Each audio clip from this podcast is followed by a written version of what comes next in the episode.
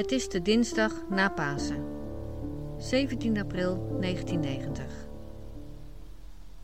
Buiten is het koud, maar om vijf voor half acht 's avonds wordt mijn wereld verwarmd door de geboorte van mijn prachtige dochter Anke. Zij is het zusje van tweejarige broer Maarten. Sindsdien is er niemand die meer van haar heeft gehouden. Hoi mama, met Anke. Hoi mama. Hoi mama. Hoi mama. Hoi mama, met Anke. Dit is een podcast voor en over Anke. Anke wil graag dat haar strijd tegen haar eetstoornis niet zinloos geweest is. Anke wil met haar verhaal verschil kunnen maken. Ook al is dat maar voor één iemand. Ik ben Marga, de moeder van Anke. En ik ben Ina, de tante van Anke.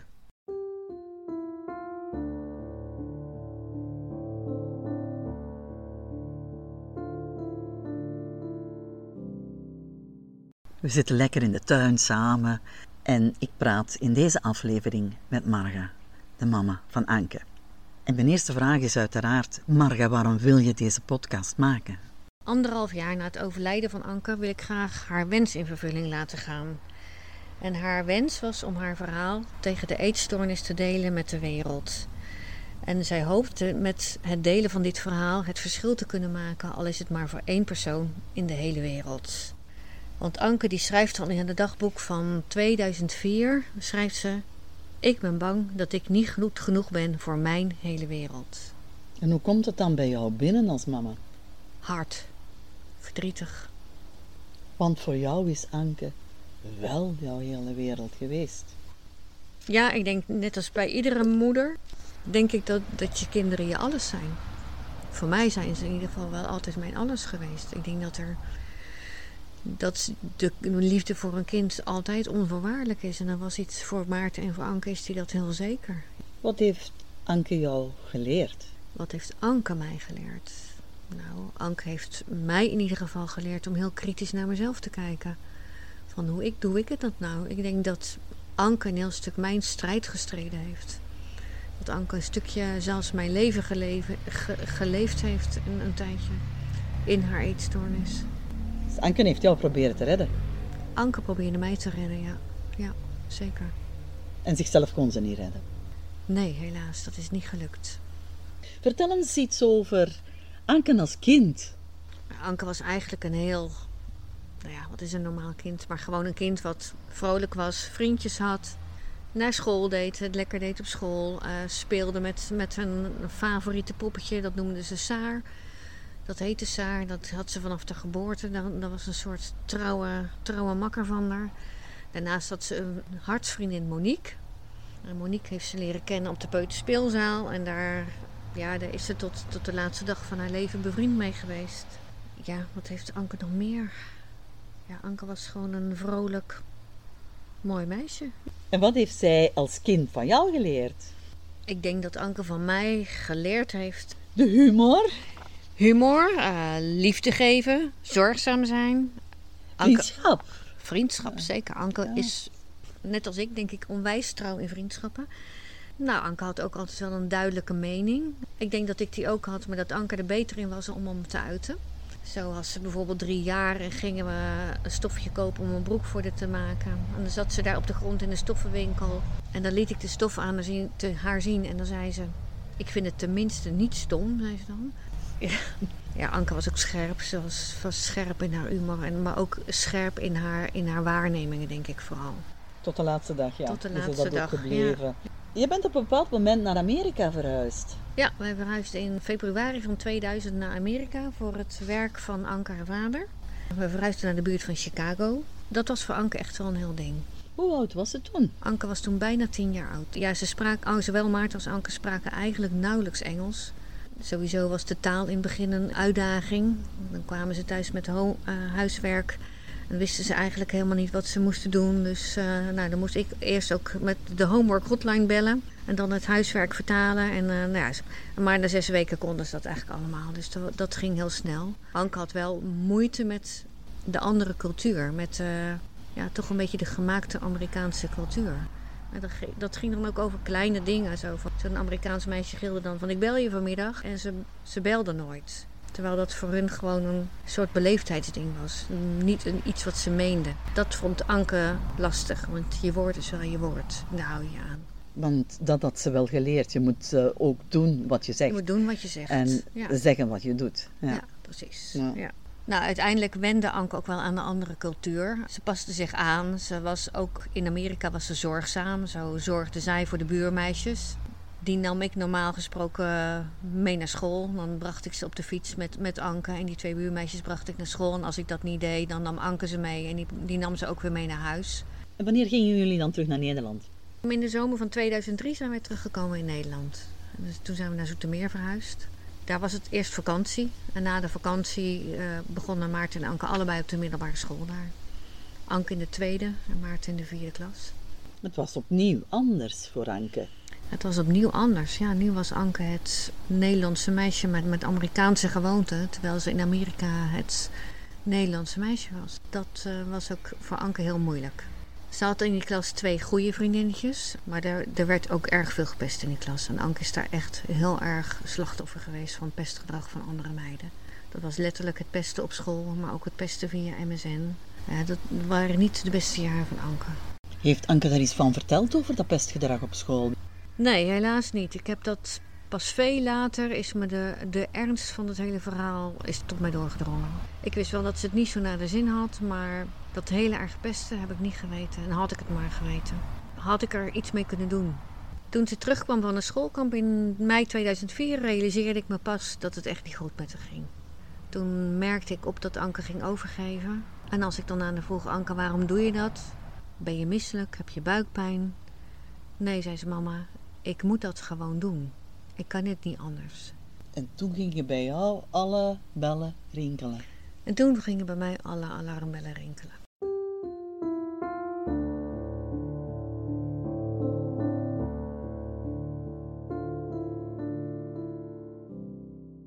Je vertelt dat Anke begon over te geven en zelf niet wist waarom dat ze dat deed. Wat deed je dan? Wat dacht je dan? Ging je dan naar een arts of wat gebeurde er? Voor mij gingen de alarmbellen zo hard af dat ik echt dacht van dit is niet goed.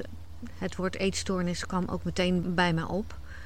En ik zag dat ze in heel ras tempo ging ze echt afvallen. Dus ik ben snel met haar naar de huisarts toe gegaan. En de huisarts heeft ons toen verwezen naar de Jutters. En de Jutters is een uh, soort GGZ voor, uh, voor jongeren in uh, Zoetermeer. En daar kreeg ze een soort psychotherapie.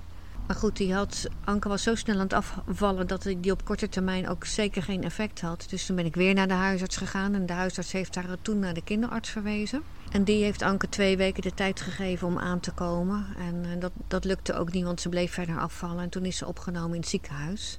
Waren ze er toen al achter dat het een eetstoornis was? Of wanneer viel die diagnose dan? Ja, de officiële diagnose weet ik eigenlijk niet eens wanneer die gevallen is. Want Anke heeft heel lang het doen voorkomen als uh, niet nader omschreven, zoals ze dat in de psychiatrie noemen. Het woord anorexia nervosa is zeker in die eerste opname al wel gevallen. Hoe reageerde jij dan daarop en hoe reageerde zij daarop? Uh, ik denk dat ik zelf met die uh, diagnose al bij ze kwam. Van ik ben er bang voor. En ik herken anorexia van mijn eigen verleden. Dus hoe reageerde ik erop? Ja, ik kan me herinneren dat ik het de eerste keer aan een familielid vertelde, aan mijn zus. En dat ik echt helemaal in paniek was. Dat is ook echt een moment. Dat vergeet ik ook nooit meer. Een soort onderbuikgevoel van dit gaat echt helemaal fout. En Anke? Anke was in de ontkenning. Die was in de ontkenning als we naar, naar wat dan ook gingen. Want ook in haar dagboeken staat van ik heb helemaal geen eetstoornis, want ik ben veel te dik. Dus ik heb geen eetstoornis. Dat beeld had ze over zichzelf. Ja. Naast het beeld van ik ben niet goed genoeg voor heel mijn wereld. Toen werd jouw leven helemaal anders. Ja. Als mama, als vrouw, als werkende vrouw. Ja, toen begonnen er 18 moeilijke jaren. Jaren van opnames en jaren van hoe hou ik me overeind voor mezelf. Want je had ook nog Maarten. Ook Maarten. Die ging ook nog werken? Maarten ging werken. Die ging, dus dat Maarten in de vierde, na twee jaar van Anke haar ziek zijn, ging Maarten ook op kamers.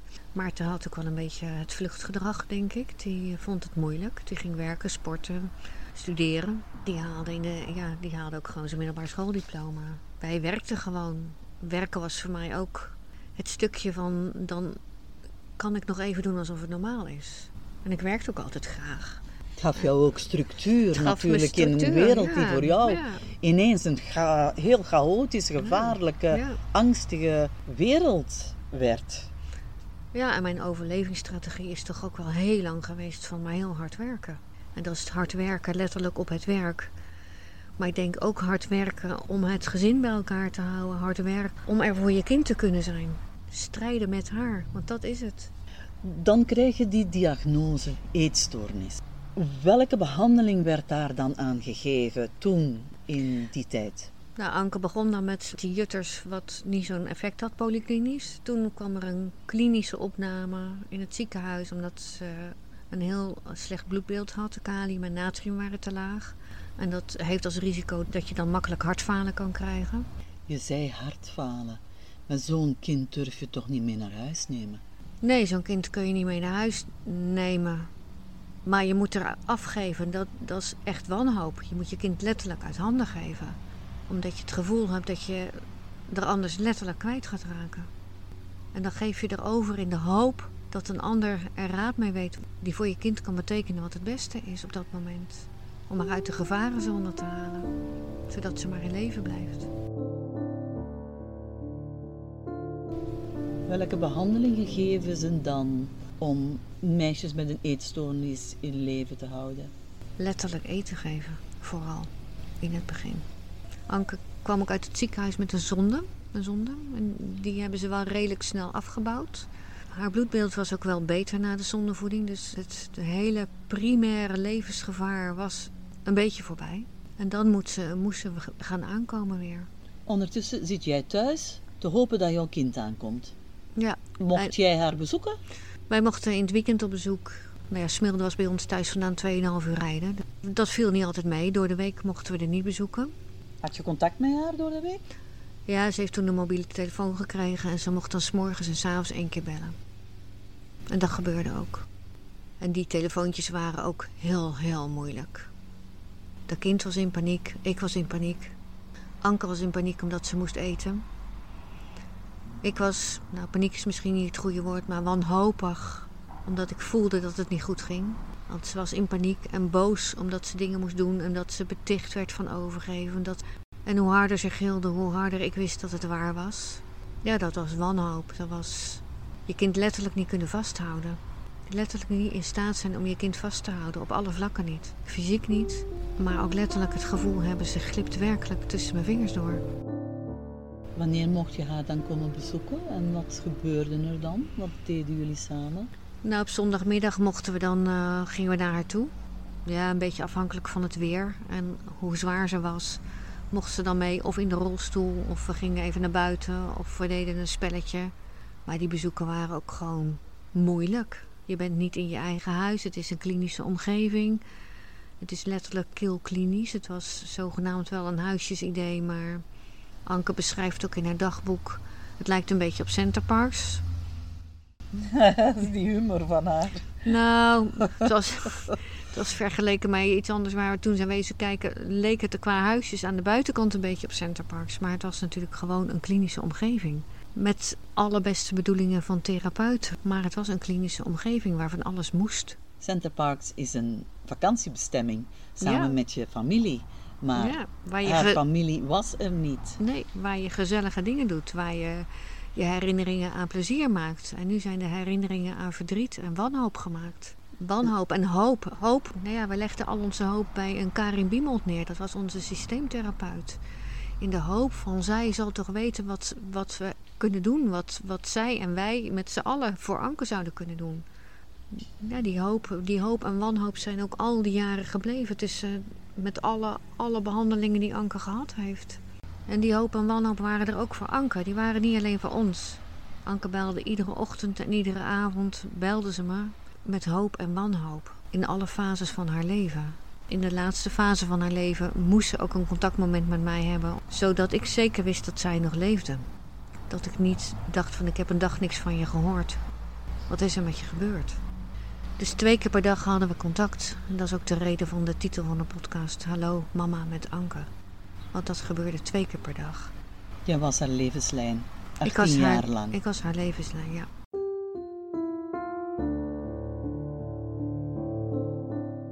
Als we eventjes teruggaan naar Smilde en de meer... Wat was De het? meergezinsdagbehandeling. Wat kan ik me dan daarbij voorstellen? Die was bedoeld om ouders en de cliënten zelf, om die te leren omgaan met eten, met al dat soort dingen. Daar zaten dan denk ik iets van zes paar ouders en hun dochters in ons geval. En, en twee systeemtherapeuten. En onze systeemtherapeut was Karin Biemold. Karin die is ook heel fijn bereid geweest om mee te werken aan deze podcast. Die komt in een latere aflevering aan het woord. En in die meergezinsdagbehandeling ja, leerden we bijvoorbeeld ik, ik weet nog dat die meisjes moesten dan, kregen een plastic bordje en dan moesten ze met papiertjes, moesten ze daar dan hun eten zogenaamd knippen. Weet je wel, groenten, aardappels, eh, vlees, dat was redelijk eh, traditioneel naar. En de hoeveelheden erop letten. Wat, wat is dan normaal? Wat is normaal? Met een touwtje je lichaamsomtrek maken. Hoe denk je dat je eruit ziet en hoe, hoe dun ben je werkelijk? Dat soort dingen werden er gedaan, maar ook er werd heel veel aandacht en heel veel gefocust op het teruggaan naar normaal eten, naar normaal eetgedrag. En wat is dan normaal eten? En ik kan me herinneren dat Karin dan zei van ga eens naar de Albert Heijn. Dan vragen ze om een pondje normaal of een, een pondje moeilijk eten, zei ze dan. Een pondje moeilijk eten. Ja, want die meiden zeiden dat is moeilijk eten. Een pizza was moeilijk eten. Terwijl wij niet nadenken over een pizza eten. Pizza is gewoon lekker. Je eet lekker een pizza of je eet lekker, weet ik veel, nasi met satésaus. Gewoon lekker. Maar dat heette dan moeilijk eten. En er werd ook gewoon geleerd van hoe je meegaat in het moeilijk eten. Wat moeilijk eten is. Dat was er bedoeld voor als Anke zou thuiskomen, Ja. hoe dat, ze dan, hoe dat jij, jij- dan ja, dat met wij- haar eetgedrag zou Precies, omgaan. dat wij de handvaten hadden om, om, om daarmee om te gaan. En werkte dat dan ook? Nou, in Ankers geval niet heel erg. Ik kan me echt tijden herinneren dat ik alleen maar blij was als ze wat binnen had. Dat ik echt dacht, het kan me niet meer schelen wat je eet, als je maar wat eet. Wanhoop. Het is een beetje hetzelfde als een tweejarig kind, waar je verrekt om zijn mond open te doen en waar je werkelijk niks in krijgt. En bij een puber, een puber wil niet meer de les gelezen worden, die wil niet meer dat jij bepaalt wat er gebeurt. Dat is natuurlijk ook normaal pubergedrag. Maar in dit geval, eten is wel levensreddend in haar geval. Oké, in, in Smilde zijn allemaal meisjes die ook eetstoornis hebben. Mhm. Dus dat, dat helpt niet echt om een goed voorbeeld te hebben. Maar dan komt ze thuis. Wat gebeurde er toen ze thuis kwam? Ging ze dan naar school? Durfde ze naar school? Kon je haar, durfde jij haar naar school laten gaan? Nou, volgens mij mocht ze van de kinderartsen ook niet naar school of een paar uurtjes per dag. En ik heb, eh, toen zat ze in drie ateneum inmiddels. Toen heb ik heel drie ateneum heb ik bijna thuis met haar gedaan. Ik heb de wetten van Newton nooit zo goed gesnapt als toen. En toen ging het weer fout. Het is nooit goed gegaan. Dat is eigenlijk wat het is. Het is een paar jaar en dan denk ik... En toen is ze ook nog in de Ursula opgenomen geweest. Ook nog tijdens de middelbare schooltijd. Of was dat nog later? Dat weet, ik weet het niet meer. In ieder geval twee- rond 2007 was ze wat beter. Want toen is ze ook mee geweest naar Oeganda. Daar heeft ze vrijwilligerswerk gedaan. En Anke die werkte daar in een weeshuis bij de, bij de nonnen. Want die eh, vrijwilligersuitzending ging ook via een of andere katholieke organisatie. En zij hielp daar zorgen voor de weeskinderen. Ze eh, moest het eten mee klaarmaken. Ze verzorgde de kinderen. Ze speelde met de kinderen. Ze had één jongetje waar ze heel bijzonder op gesteld was. Ik ben zijn naam vergeten. Maar daar zijn, daar zijn dan ook nog foto's van. En ik denk dat Anke, als je dan ziet hoe ze worstelde met de zin van haar leven. Zij zich daar ook echt zinvol gevoeld heeft. En wat heel bijzonder is, is dat we op dat moment in haar dagboeken ook helemaal niets meer zien over eetstoornis. Niet over ik moet dit, ik moet dat, ik moet de jumping jacks. Ik denk dat zij werkelijk haar pure zichzelf kon zijn toen ze daar was. En toen ze terugkwam dacht ik, blijf maar daar, ga maar. Misschien doet dit je goed.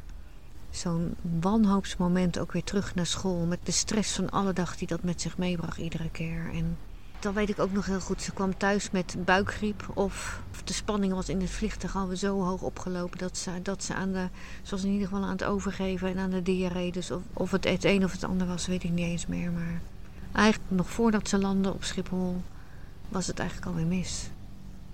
Ja, toen kwam ze terug van Oeganda en toen ging ze de laatste middelbaar schooljaar in zes Atheneum. Ja, ondanks alles heeft ze dat helemaal afgemaakt. En heeft ze de diploma gehaald.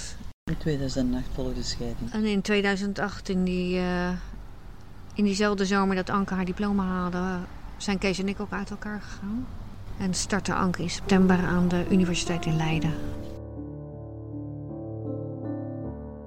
Dat startmoment aan de universiteit was weer ook weer zo'n moment van hoop. De middelbare schooltijd is afgelopen.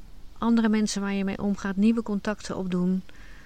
Je denkt dan, ze begint met een blanco blad. Ze begint met een blanco blad. En telkens in haar dagboeken begon ze ook met een blanco blad. En schreef ze ook: Ik wil van die verrekte eetstoornis af en het gaat mij nu lukken. Ja, zo begon ze ook aan de universiteit. En die verrekte eetstoornis, die bleef haar achtervolgen. En het jaar daarna ging ze op kamers. En toen dacht ik, misschien is het wel heel goed dat je bij me weg bent. Weer zo'n moment van hoop. Ga het maar doen. Weet je, ga, doe het maar. Kijk maar wat het wordt. Maar nee. Ook gedurende die universiteitstijd is ze een aantal keren opgenomen geweest. de eerste daarvan was volgens mij in de Ursula in 2009. Ja, daar waren de behandelingen ook niet heel succesvol. Was dat haar eigen keuze om opgenomen te worden? Of? Volgens mij was dat ook voor haar ook weer zo'n moment van: ik kan het niet. Een moment van ook help me. En ze verlangde ook echt wel naar, naar structuur dat een ander het haar gaf. Dat is meerdere opnames is dat wel teruggekomen. Zo van als ik het zelf niet kan, dan hoef ik er even niet over na te denken. Ook haar eigen wanhoop was daarin duidelijk. Hè? Van, dan hoef ik het even niet te bedenken. Maar goed, dan was ze daar een paar dagen en dan was het ja, maar ik moet dit en ik moet dat en ik moet zus en ik moet zo. Dan sloeg de stress weer toe en merkte je toch dat dat te lastig was. Vond ze steun bij lotgenoten?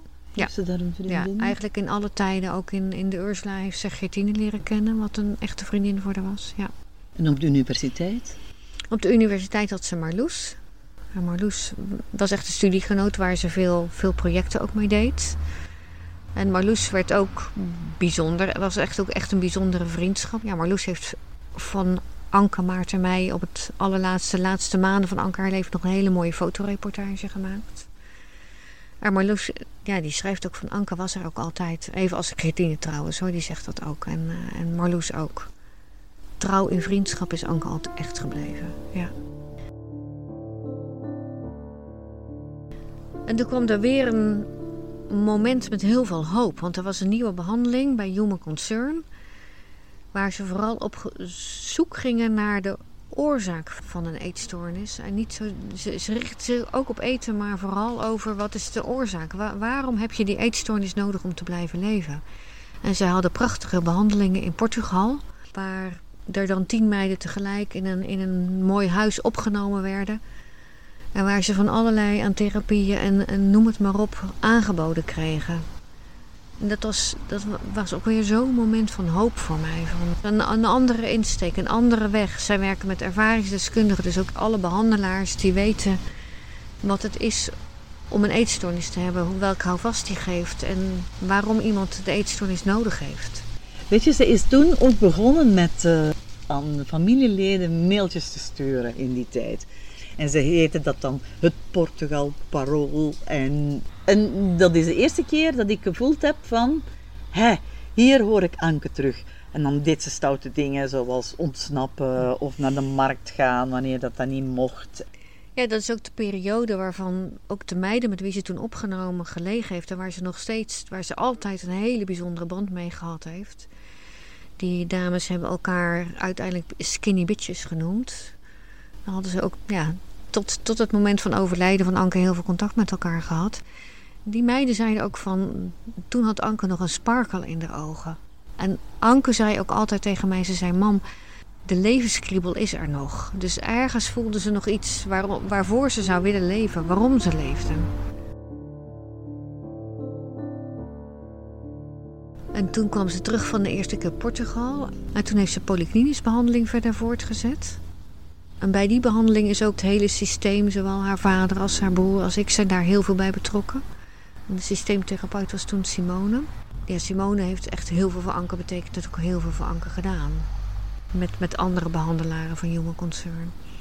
En dan een weerstand die ze had tegen de biodanza. En biodanza is dan net de dans of de bewegingsleer waarin dat kinderen uit Bolivia, straatkinderen, terug opnieuw geleerd werd om vertrouwen te krijgen in volwassenen. Ja, en waar de meeste weerstand zit, valt het meest te halen. Zo was het met de yoga. Zo, uh, ze moest je tuintherapie doen en dan gilde ze heel hard: ik word een, dat ze een wortel moest worden. Of... Ja, en het is zo zonde dat ze het niet heeft kunnen omarmen. Dat ze het niet heeft kunnen aanvaarden. Want in die tijd zat er nog leven in. Daar was er nog dat, was er ook bij mij gewoon die hoop van er zit nog iets. Weet je, er zit nog een sparkel levensvreugde met gekkigheid, met mensen voor de gek houden. Maar ze kon het niet aangaan waar het echt over ging. Ze bleef een niveautje daaronder of daarboven, het is maar net hoe je het bekijkt. Ze kon niet de diepte in. Ze kon het letterlijk niet gaan voelen. Want op dat moment zou ze ook de grootste narigheid van zichzelf nog tegen gaan komen. En toen is ze thuisgekomen en denk ik weer aan het werk gegaan. En toen kwam opname nummer 2 in Portugal, weer hoop. Hoop dat ze deze keer de volgende schil eraf kon halen. Want die hele behandeling in Portugal had er wel geholpen, maar niet voldoende. Dus ze, moest naar het laagje dieper. Dus toen kwam behandeling 2 in Portugal. Weer hoop, weer... Er is een film gemaakt van Portugal en er zijn twee van die deuren. En toen ik die deuren zag, en ze gingen in de film open, voelde dat zo als de poorten van de hoop. En dat was de eerste keer, de tweede keer. En zeker de derde keer dat Anke naar Portugal gegaan is, hebben ze een programma helemaal voor haar gemaakt. Anke zou daar drie maanden blijven. Maar na de eerste maand was wel echt de doelstelling van Anke was nooit aangekomen dat ze aan zou moeten komen. En ze durfde het niet aan dat is voor mij ook wel het moment geweest dat de hoop wel helemaal vervloog. Je zegt ze durfde het niet aan. Was toen de anorexia die het niet aan wou? Want je hebt, als ik nu goed kan tellen, samen met je kind 18 jaar, of bijna 18 jaar, tegen het monster anorexia gevochten. En het is geen kwestie van waarschijnlijk niet aandurven, maar dat het, het monster zozeer jouw lichaam aangevreten heeft. En zozeer nou, jouw... Je geest vooral. Je geest aangevreten heeft. Want het is niet een kwestie van niet willen. Het is een kwestie van niet kunnen.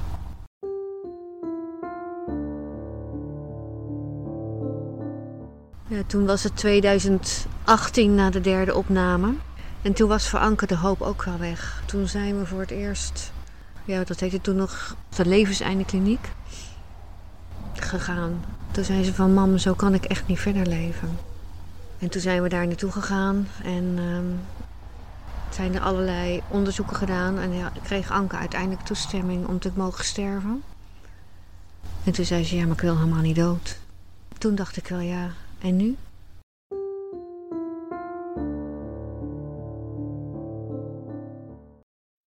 En het klinkt echt heel raar als ik het zo zeg. Ik was ook een soort van boos. Zo van, gaan we dat hele traject in? Met, ik weet niet hoeveel second opinions, met gesprekken, met... Noem het allemaal maar op. En dan blijven we hangen in de overlevingsstand. Want ook Maarten zei van, mam, als ze niet kan kiezen, kan ik niks voor haar betekenen. En zo voelde het ook. Mijn wanhoop was echt van kind ga wat doen. Als, ik, als je niet gered kan worden, laat me je dan vasthouden bij het sterven. Dan hoeft het niet meer. Nou, toen zijn er aansluitend zijn er nog een aantal behandelingen geweest. Ook, ook out of the box. Ze heeft uh, elektroshocktherapie gehad. Ze heeft ketaminebehandelingen gehad. Ze is opgenomen geweest in het LUMC daarvoor. En daar was een verpleegkundige die zei wat moois. Ze zei van als ik het aan mijn familie moet vertellen wat ik hier doe, zei ze van dan zeg ik ik behandel mensen die een soort van kanker in hun hoofd hebben. Die hebben alles gehad, maar niets helpt meer. En op het moment dat ik dat ook met anderen kon delen, merkte ik wel dat er ook een soort van begrip kwam. Zo van het is niet van ze wil niet, maar het kan echt niet. Het lukt niet. Bij sommige mensen helpt de chemo niet. Die sterven alsnog. Bij sommige mensen helpt geen één behandeling. En zo was het voor Anke ook. En na al die behandelingen volgde er nog nou, ik denk twee jaar met heel veel fysieke pijn. Heel veel pijn heeft Anke gehad. Ze kreeg overal ontstekingen in botten. De braken ribben, de braken enkels. Ze heeft haar elleboog gebroken. En toch bleef ze haar vrijwilligerswerk doen bij de oudjes. Ja, dat is net zoiets als in Oeganda. Gewoon het pure van de mensen waar zij het gevoel had van... daar ging ze bijna kruipend naartoe. Daar ben ik nog van waarde. Dat is, voelde ze letterlijk zo. Daar werd ze gewaardeerd om wie zij was, om wat ze deed. En soms was dat alleen nog maar een puzzeltje maken... en bijna huilend weer naar huis kruipen van de pijn... omdat ze niet meer kon. En toch deed ze dat. Want je moest het waard zijn. Je moest het waard zijn. Je moest wel iets verdienen. Ja. Je moet, je moet, je moet. Denk je dat Anke zo lang de euthanasiebeslissing uitgesteld heeft voor jou? Dat jij nog de zin was in haar ze, ze, ze zei wel, als jij er niet meer was, was ik er al lang niet meer geweest. Dat zei ze zeker. Ze is, ze is ook heel lang wel bang voor de dood geweest. Ook dat. En ergens was er toch altijd in haar nog iets van hoop. Toch nog iets van hoop. Ja, en op een gegeven moment werd de fysieke pijn zo erg dat ook haar hoop wel verdween. Dus Het was niet voor haar, ik kies voor doodgaan. Ik kies voor, ik wil dat deze pijn ophoudt. Ja, en, en heel eerlijk, ik ben natuurlijk ook jaren gewoon bang geweest. In de jaren dat ze ook depressief was. Dat ze, dat ze iets zelf zou gaan doen. Dat ze suicidaal was. Ja, ze was ook echt suicidaal. Ze, ze schrijft ook al, ze zei ook tegen me, want ik stond met mijn jas aan bij de trein. En dan zei ze van, maar ik heb jou beloofd dat ik dat nooit zou doen. Maar ga je slaapt toch niet meer? Tijdens die periode heb jij ooit Ja, geslapen? nou, ik heb ook wel eens slaapmiddelen genomen, ja. Maar ze zei ook altijd van, mam, ik heb jou beloofd dat ik dat niet zal doen. En ik zei tegen Anke, het is het ergste wat je me aan kan doen. Dat je ergens eenzaam moet sterven, terwijl, de, terwijl je permissie hebt om vastgehouden te worden. Dat we je letterlijk in liefde kunnen laten gaan. Je zegt, je kon nooit meer slapen en ik geloofde haar. Ze zei ook van, mam, ik ga het niet doen. En natuurlijk was er de angst dat als de wanhoop te hoog, te groot was, dat ze dat wel zou doen. Ik had wel een afspraak met haar. Iedere ochtend moet je mij een appje sturen, al is het maar een symbooltje dat je er nog bent. Rust was er nooit. Het, was dat altijd, het zat altijd in mijn hoofd. Altijd. En in het voorjaar van 2021 is dat euthanasietraject voor de tweede keer ingezet. Toen heeft ze weer veel gesprekken, second opinions moeten doen. Moeten... En voor de tweede keer werd haar euthanasie goedgekeurd. En voor de tweede keer zei ze... Maar mam, ik wil nog niet dood. En dat was in het voorjaar. En in die zomer is ze fysiek enorm achteruit gegaan. En op 8 augustus 2021 belde Anke mij 's morgens op. Het was een zondagochtend. Van mam, ik weet het zeker. Ik kan zo niet meer verder leven. Maar ga is het voor jou oké als we hier deze aflevering afronden en in onze volgende aflevering familie en vriendinnen en behandelaars het verhaal van Anke vanuit hun perspectief laten vertellen. Ja, dat is helemaal prima. Dan stel ik voor dat we in onze volgende aflevering luisteren naar Karin Bimold, de systeemtherapeut van Akare, waar je het net over had, waar Anke in 2004 voor het eerst contact mee had. Dat is goed. Dankjewel voor het vertellen, Marga. Graag gedaan. Hoi mama, met Anke. Hoi mama. Mama. Hoi mama, met. Met. Met Anke. Hoi mama, met Anke.